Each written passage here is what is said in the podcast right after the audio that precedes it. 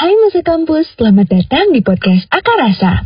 Podcast yang membahas segala isu dan kegiatan di KM ITB. Mulai dari isu sosial politik, kegiatan kemahasiswaan dan sekitar kampus, dan tema asik lainnya. Selamat mendengarkan In Harmonia Progresio bersama Ada Asa.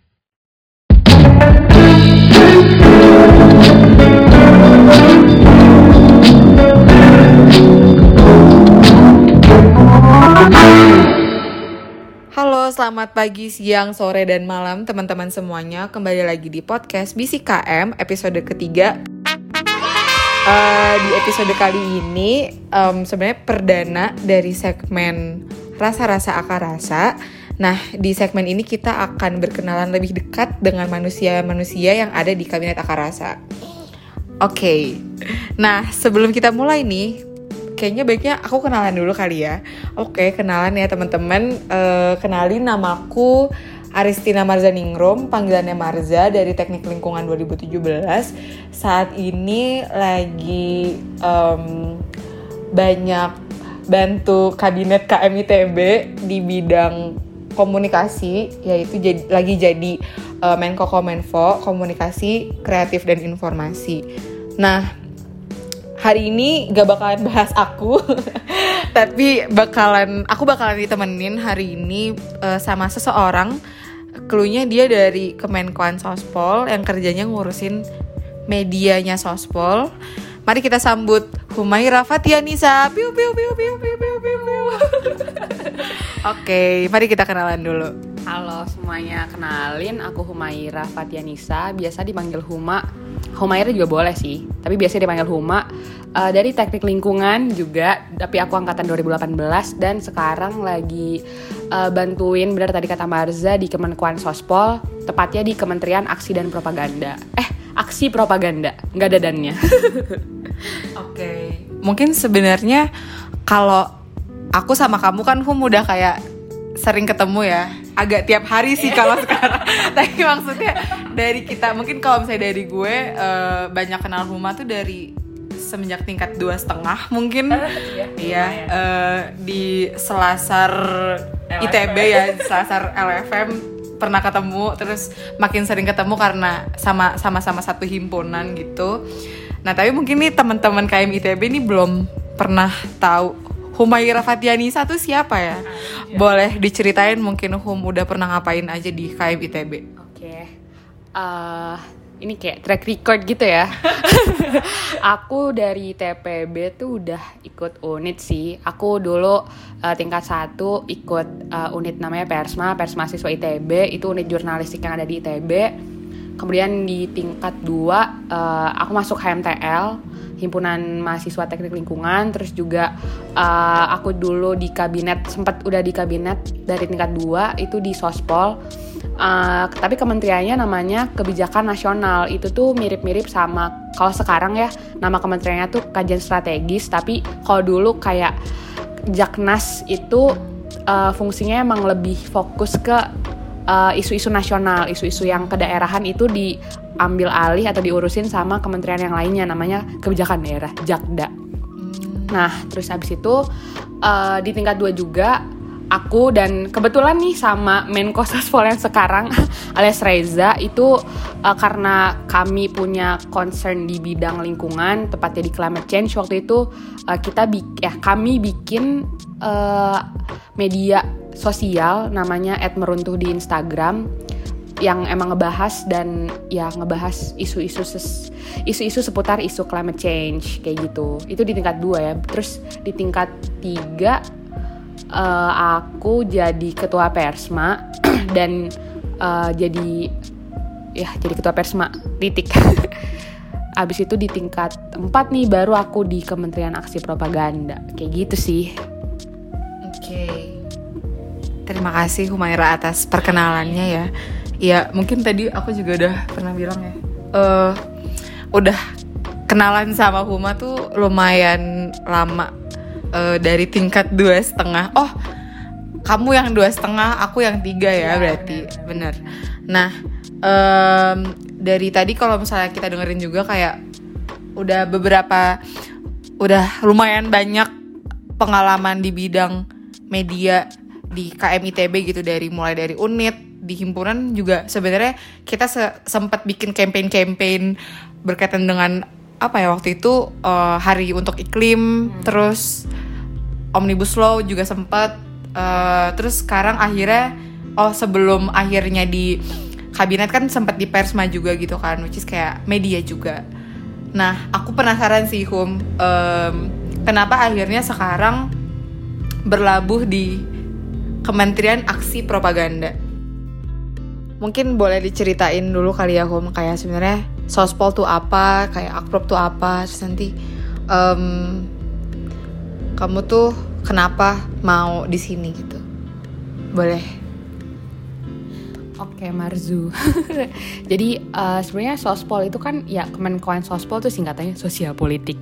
Nah terus uh, Kemenkoan Sospol itu tugasnya melakukan pergerakan-pergerakan sosial politik. Apa sih pergerakan sosial politik tuh? Uh, pergerakan sosial politik adalah pergerakan yang sifatnya tuh ke uh, intervensi apa ya uh, mengintervensi kebijakan pemerintah. Jadi kayak arahnya tuh ke atas gitu. Kalau misalnya ada suatu masalah jadi uh, kita tuh coba untuk advokasiin gimana sih kebijakan pemerintah itu bisa menyelesaikan masalah tersebut kayak gitu. Uh, kalau misalnya kita bandingin sama sosmas gitu ya. Kalau misalnya sosmas kan secara langsung ngebantuin masalah yang ada di masyarakatnya. Sedangkan kalau sospol itu lebih ke uh, advokasiin gitu masalahnya ke pemerintah supaya pemerintah bisa membuat atau mengubah kebijakan berkaitan dengan masalah tersebut. Itu dulu uh, definisi pergerakan sospol. Kemudian uh, berarti kan sospol itu uh, luas ya cakupannya. Makanya isu-isu sospol tuh bukan isu-isu yang demokrasi aja gitu atau isu-isu korupsi, isu-isu kenegaraan, tapi juga ya kita bisa bilang kalau semua isu sebenarnya bersinggungan sama sospol bahwa semua isu adalah isu sospol karena misalnya kayak isu climate change aja itu kan kayak uh, dipengaruhi sama kebijakan-kebijakan yang diambil sama pemerintah ya terus juga uh, banyak lah pokoknya contoh isu-isu lain yang emang berhubungan terhadap dengan kebijakan kayak gitu. Terus abis itu uh, kalau di akropnya itu sendiri uh, karena sospol itu cakupannya luas dan sifatnya itu advokasi isu ke pemerintah ke intervensi kebijakan pemerintah berarti di akprop itu kerjaannya untuk uh, sebagai apa ya edukas apa hmm, bertujuan untuk bikin orang-orang tuh sadar dan paham akan isu yang lagi diadvokasikan oleh sospol secara keseluruhan. Jadi uh, kita tuh emang uh, mengedukasi masa kampus, terus juga uh, bikin uh, apa ya, bikin isu-isu uh, yang terasa berat itu jadi lebih mudah dicerna oleh masa kampus sehingga masa kampus juga masa kampus juga sadar terhadap uh, isu-isu yang lagi diangkat sama sospol dan juga merasa kayak isu ini nih isu yang urgent gitu untuk dipahami dan untuk disadari kayak gitu sih Marza. Oke, aku um, dan mungkin semoga teman-teman udah kegambar terlebih dahulu uh, apa itu sospol dan akprop gitu kali ya. Nah, tapi ini sih yang aku penasaran home kayak ketika ketika kamu berjalan atau ketika kementerian kamu berjalan itu kan uh, tentunya strateginya tuh nggak cuma hanya media sosial dan kayak konten-kontennya gitu apa gitu kan. Nah kalau di Akprop sendiri uh, cara kalian ngeimplementasiinnya itu tuh kayak gimana sih? Oke oke, berarti aku Oke oke, jadi kalau misalnya kita simpulkan tujuan adanya Kementerian Aksi Propaganda itu berarti untuk uh, membumikan isu-isu yang sedang diangkat oleh Kemenkoan Sosial Politik uh, untuk menumbuhkan kesadaran kritis di kalangan mahasiswa kayak gitu. Nah, terus terus untuk mewujudkan tujuan tersebut gitu uh, di bawah Akprop ada di bawah Kementerian Akprop ada dua direktorat jenderal. Uh, yang pertama ada Ditjen, ya Direktorat Jenderal itu disingkatnya Ditjen, Ditjen Media, dan Ditjen Diseminasi Propaganda. Buat Ditjen Media itu tugasnya uh, apa ya, kayak ngurusin uh, medianya Akprop, media sosialnya Akprop, namanya Kotak Suara di Instagram kotaksuara.itb, ayo kita follow. Terus yang uh, Ditjen satunya adalah Ditjen Diseminasi Propaganda atau disingkatnya Ditjen Dispro. Nah, Ditjen Dispro ini fungsinya untuk uh, apa ya? Jadi kan kalau misalnya Ditjen Media tuh bikin konten sendiri yang fungsinya untuk kayak membumikan isu itu dengan membuat konten sendiri. Sedangkan kalau misalnya di Gen Media itu lebih ke bekerja sama dengan lembaga-lembaga yang ada di dalam maupun di luar ITB untuk juga mengangkat isu-isu yang lagi diangkat sama Sospol. Mungkin aku contohin aja kali ya biar lebih kebayang gitu kerjanya kayak gimana. Misalnya uh, Sospol itu mau ngangkat soal uh, climate change gitu. Nah, terus habis itu berarti di Gen Media itu uh, kerjanya bikin konten-konten sendiri tentang climate change. Misalnya kayak kenapa Jakarta banjir, terus juga hubungan climate change dengan budaya gitu misalnya. Terus Nah itu tuh kayak self produce gitu. Sedangkan kalau misalnya di Gen Media tuh memetakan potensi-potensi lembaga yang ada di ITB maupun di luar ITB uh, dan kayak nawarin gitu uh, mau nggak sih ngangkat isu ini? Kayak gitu. Tapi tetap dengan ciri khas lembaga masing-masing. Misalnya uh, eh, LFM gitu. LFM kan unit film gitu ya. Ya unit yang ngebahas film gitu. Terus kayak LFM uh, bisa ngekurasiin film-film yang uh, bertema climate change. Kayak gitu kayak gitu loh. Jadi kalau unit eh salah kalau di Gen Media tuh lebih ke arah pemetaan potensi lembaga untuk menawarkan lembaga tersebut agar mengangkat isu-isu yang lagi diangkat sama sospol. Kayak gitu sih, kebayang nggak? Sangat-sangat terbayang dong tentunya.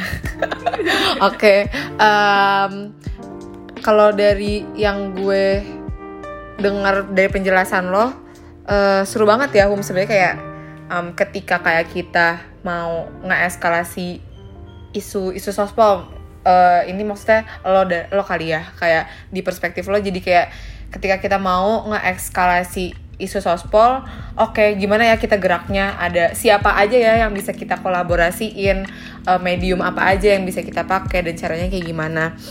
Um, sebelum kita uh, berlanjut lebih dalam, aku mau bertanya uh, kenapa sih Hum mau akhirnya terjun ke sini gitu? Kenapa akhirnya mau mengiyakan Reza untuk masuk ke akprop sospol gitu kali ya? Boleh diceritain dulu.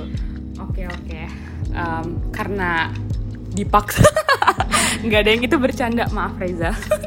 Jadi sebenarnya kayak dari uh, aku TPB gitu sebenarnya aku udah cukup suka gitu terhadap isu-isu yang lagi berkembang maupun isu-isu yang kayak emang aku anggap penting gitu Terus uh, mulai dari situ tuh aku juga karena aku juga dulu banyak di media ya kayak mulai dari di Persma, terus juga aku bikin runtuh dan lain-lain. Aku tuh jadi kayak sadar uh, ini seru ya untuk kayak bikin orang juga ngerasa tahu dan juga punya urgensi yang sama terhadap isu-isu yang aku rasa penting dan yang memang penting mungkin itu tuh kayak suatu hal yang seru gitu. Jadi aku emang udah punya ketertarikan untuk uh, menyebarkan ajaran-ajaran.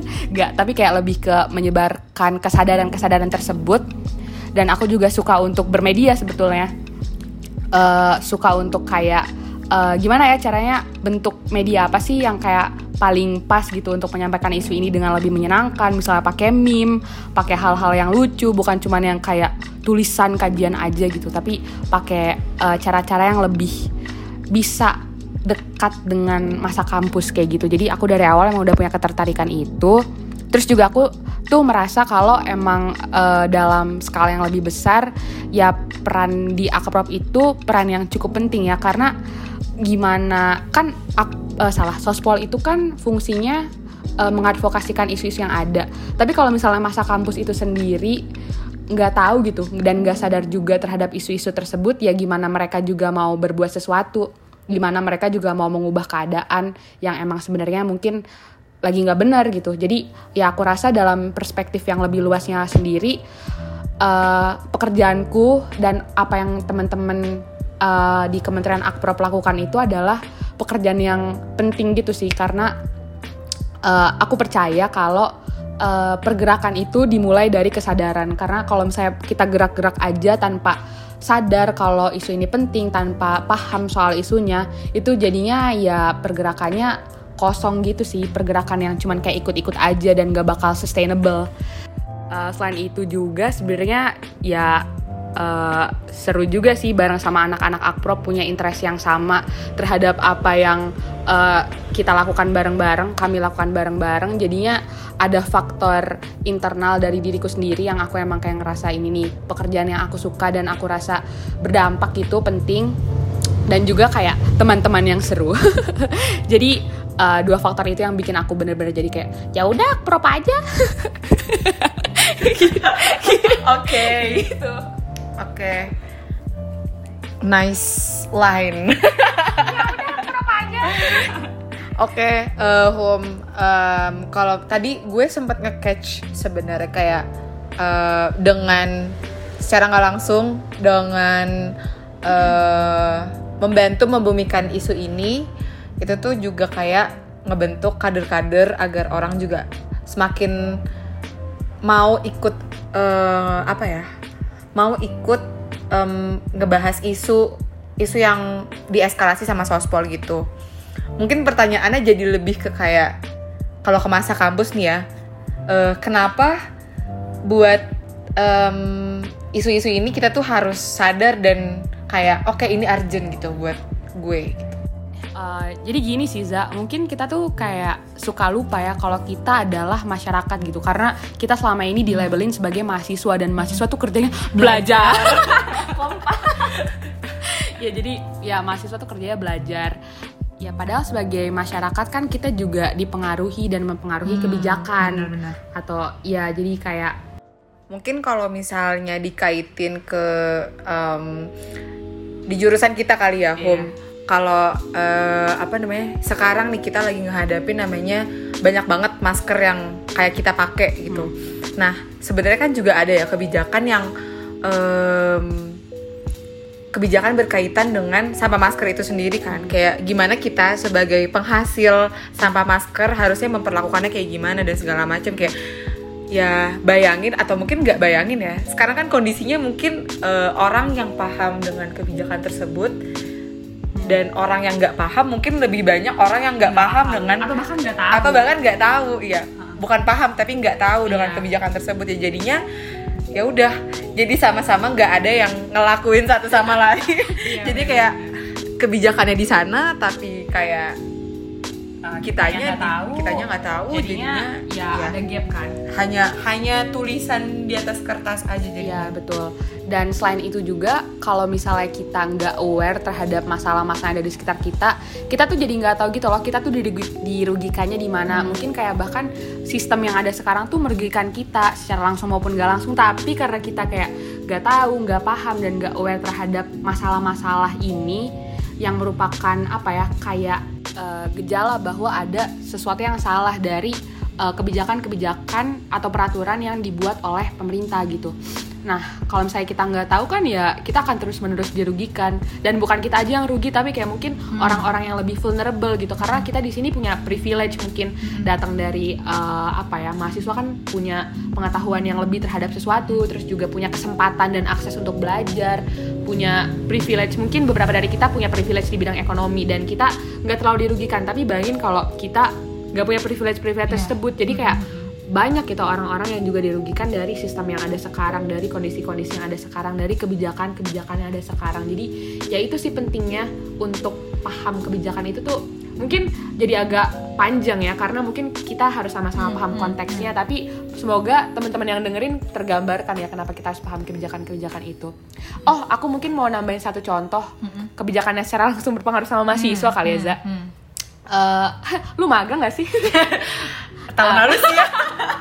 ya. Agak udah lama ya periode magang saya sebenarnya uh, cuman iya, cuman ya. akhir-akhir ini kita sering dengar teman-teman magang di A B C D betul. Gitu ya. uh, kita kayak banyak lah teman-teman di sekitar ku mungkin sekitar gua karena gua udah tingkat 4 mm-hmm. itu banyak yang udah mulai magang udah jadi intern di mana lah tapi uh, banyak juga gue denger keluhan-keluhan teman-teman terdekat gua bahwa bayarannya kok nggak sepadan ya sama usaha yang udah dikeluarkan gitu nah itu kan kerasanya kayak masalah pribadi. Hmm. kita kurang bayaran gitu. Jadi kita kurang uang hmm. untuk bisa menjalankan kehidupan sehari-hari. Hmm. tapi sebenarnya kalau kita tarik lagi dan kita lihat dari perspektif yang lebih luas itu tuh masalahnya bukan cuma masalah kita tapi masalah kebijakan yang ada. Gimana sih pemerintah tuh nggak menjamin uh, ke apa ya bukan sustainability tapi kayak kehidupan. Menjamin apa ya? Kesejahteraan anak-anak magang Hmm. terus juga gimana kebijakan-kebijakan yang ada tuh nggak melindungi itu nggak menjamin kayak oh harusnya magang tuh sesuai sesuai gak sih sama pekerjaan yang dilakukan tapi belum ada kebijakan yang mengatur itu. Mungkin atau misalnya ada tapi tidak di, tapi tidak ditegakkan. Kan itu ya seringnya case yang ada di Indonesia kayak Iya. kebijakannya udah benar tapi penegakannya. Kayak gitu sih. Uh, dan itu kan secara langsung berpengaruh sama kita ya. Jadi itu adalah salah satu contoh gimana uh, kebijakan atau penegakan kebijakan itu berpengaruh sama kehidupan kita sehari-hari kayak gitu sih Oke. Berarti kan yang Huma dan teman-teman lakukan itu sebenarnya adalah aksi penyadaran terkait isu-isu yang baik nasional atau daerah yang eh, lagi ada gitu. Nah mungkin boleh di- diceritain sedikit Hum secara em, apa ya singkat eh, proses teman-teman akprop tuh kalau lagi em, nerjemahin isu berat terus jadi kayak konten-konten yang mudah didigest tuh kayak gimana? Oke oke. Ya jadi kan emang yang dilakukan Okprop tuh ya tadi ya pembumian isu dan kayak tujuannya untuk menyadarkan masa kampus terse- eh, terkait eh, pentingnya isu itu dan juga ya seputar isu itu gitu. Nah terus eh, berarti dan, dan tadi juga aku udah jelasin ada dua ada dua ditjen di dalam Akprop ada ditjen media dan ada ditjen diseminasi propaganda. Dan dua-duanya tuh melakukan fungsi atau tujuan memiliki tujuan yang sama yaitu tujuan penyadaran kan. Eh, kalau misalnya aku selalu mikirin aku selalu kayak eh, dalam konsep Akpropnya itu sendiri tuh ditjen media itu kan eh, melakukan penyadaran secara langsung gitu. Dengan konten-konten yang diproduksi masa kampus yang menontonnya atau kayak mengkonsumsi kontennya itu ya sadar jadi kayak satu arah gitu loh eh, dari Dirjen Media terus di digest sama masa kampus. Jadi kayak secara langsung masa kampus tersadarkan.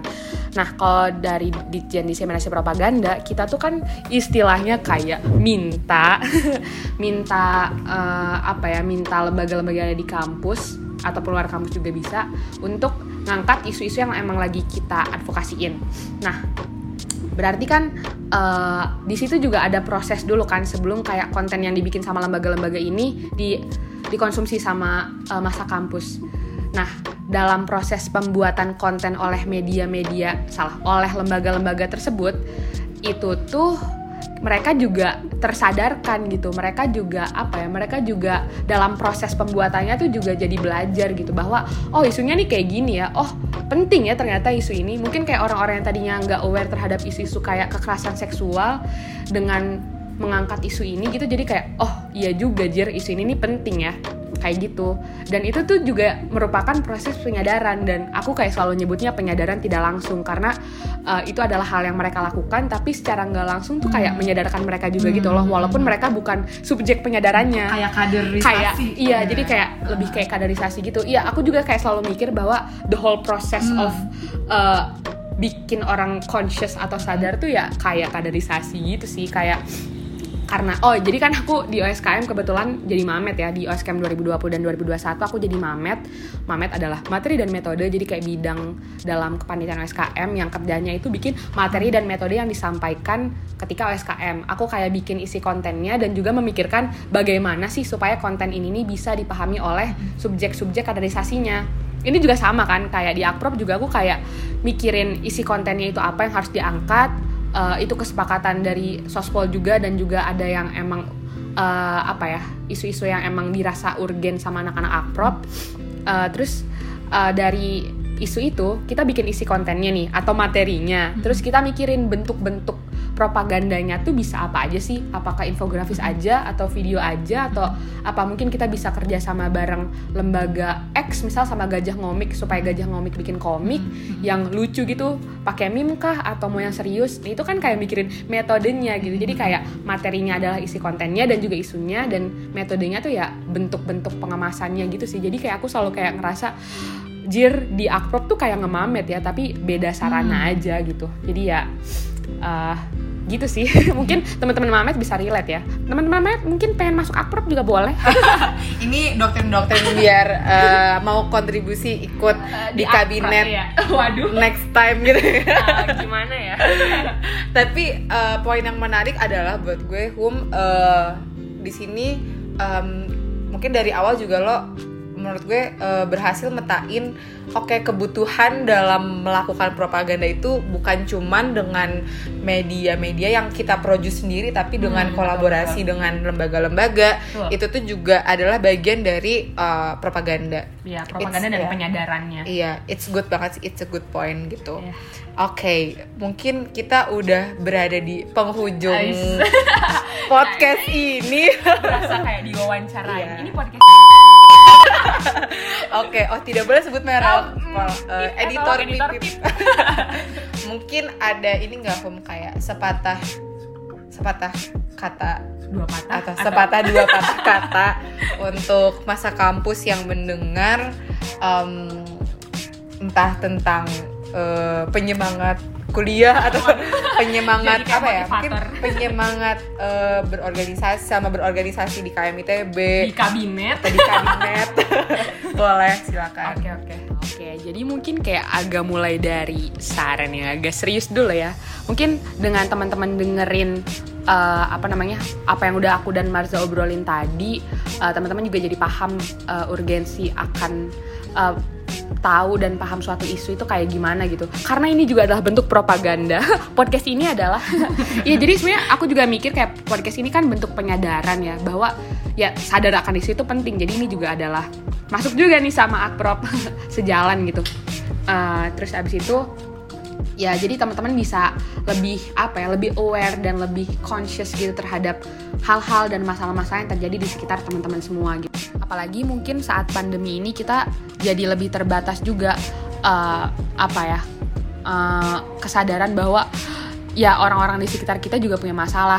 Masyarakat juga punya masalah. Jadi aku harap sih jadi teman-teman bisa lebih aware aja terhadap masalah di sekitar. Dan setelah aware setelah sadar jadi bisa punya stance. Kemudian mungkin bisa jadi melakukan sesuatu terkait masalah itu gitu. Nah itu yang agak seriusnya. Yang kedua mungkin aku kayak eh, tadi kan Marza suruh nyemangatin ketika berorganisasi ya. Cuman aku jadi mau berbagi aja sih selama berorganisasi dan kayak berkegiatan di KMITB tuh aku ngerasa banyak banget belajar sih. Banyak banget belajar soal hal-hal yang aku lakukan manajemen diri juga. Itu kayak banyak aku pelajarin selama aku berorganisasi. Terus yang lebih penting itu kayak aku dapat banyak evaluasi terhadap diriku sendiri dan terhadap apa yang aku lakukan juga. Dan itu kayak sangat valuable. Jadinya aku bisa refleksi diri oh aku tuh salah di sini ya. Oh gua tuh kurang ini ya. Oh gua tuh bla bla bla gitu. Jadi kayak itu sangat penting sih dan aku dapetin banget selama berkegiatan di KMITB terus juga pe- temen-temen sih kayak aku jadi punya selain punya pengalaman dan punya bahan untuk berefleksi aku juga punya teman-teman yang kayak punya interest yang sama punya semangat yang sama. Terus juga teman-teman berdiskusi berdebat. Jadi apa ya eh, ngerasa ini nih sesuatu yang valuable dan tidak tergantikan. Aduh kok cringe? Tapi jadi tiri. Em, jadi em, jadi mau nangis gadeng tapi ya itu sih. Pengalaman dan teman-teman tuh adalah dua hal yang menurutku aku paling value dari eh, pengalamanku selama ber KM ITB gitu. Dan ya jadi semoga teman-teman juga semangat ya untuk berorganisasi. Walaupun awalnya terasa kayak nyebelin mungkin kayak ah proker proker tapi kalau misalnya kita seneng dengan apa yang kita lakukan tuh aku yakin kayak pasti bakal seru juga kan. Apalagi kalau didukung sama teman-teman yang kayak sama semangat kayak gitu sih.